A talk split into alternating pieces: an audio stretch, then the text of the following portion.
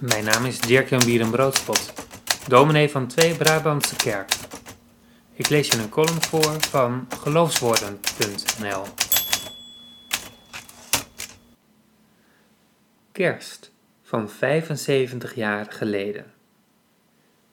Kerst is het feest van vrede. We vieren en gedenken dat er ooit lang geleden een kind is geboren. Hij zou vrede op aarde brengen. Zou het er ooit van komen? Als we de nieuwsberichten erop naslaan, lijkt die wereldvrede in elk geval ver weg. Godzijdank leven we hier in alle vrijheid en is de vrede al 75 jaar bewaard. Op internet vind ik een editie van de Vrije Pers, dagblad voor Zettogenbos en omgeving. Op zaterdag 23 december 1944 kopt de krant over een dagorder van generaal Eisenhower. Hij roept de geallieerden op om de vijand naar de oude stellingen terug te dringen. Het belangrijkste nieuws is samengevat in de kop van het onderstaande artikel. Van alle fronten, tankslagen bij St. Vith en Stavelot, het hoogtepunt van de strijd in het westen nog niet bereikt. Het Ardennenoffensief is in volle gang. De strijd is nog lang niet gestreden. Het bericht wordt aan beide zijden geflankeerd door kerstfeest in onze moeilijke dagen en kerstgedachten.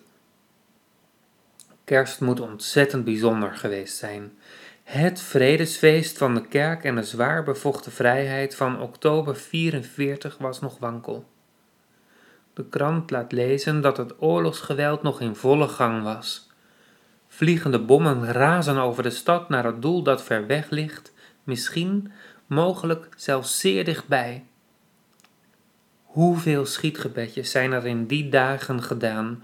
Hoeveel zorg was er om de gebieden boven de Maas? De hongerwinter was begonnen.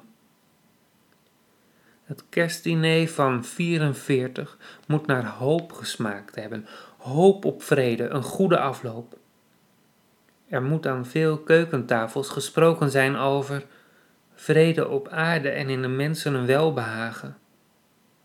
Mijn gereformeerde collega in Zertogenbos van die dagen was dominee Veldman.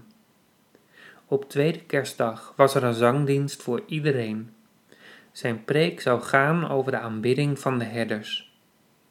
Zij horen het nieuws dat het kind is geboren. De boodschap van het goede nieuws sluit af met die prachtige woorden van Lucas. Hij kon haast geen betere woorden kiezen, denk ik. Hoe hoopvol hebben die in 44 geklonken. Het roept bij mij de vraag op: waar hopen wij deze dagen nog met hetzelfde vuur op? Je luisterde naar een column die ik schreef voor geloofswoorden.nl. Vond je het de moeite waard? Deel het gerust met anderen. Graag tot een volgende keer.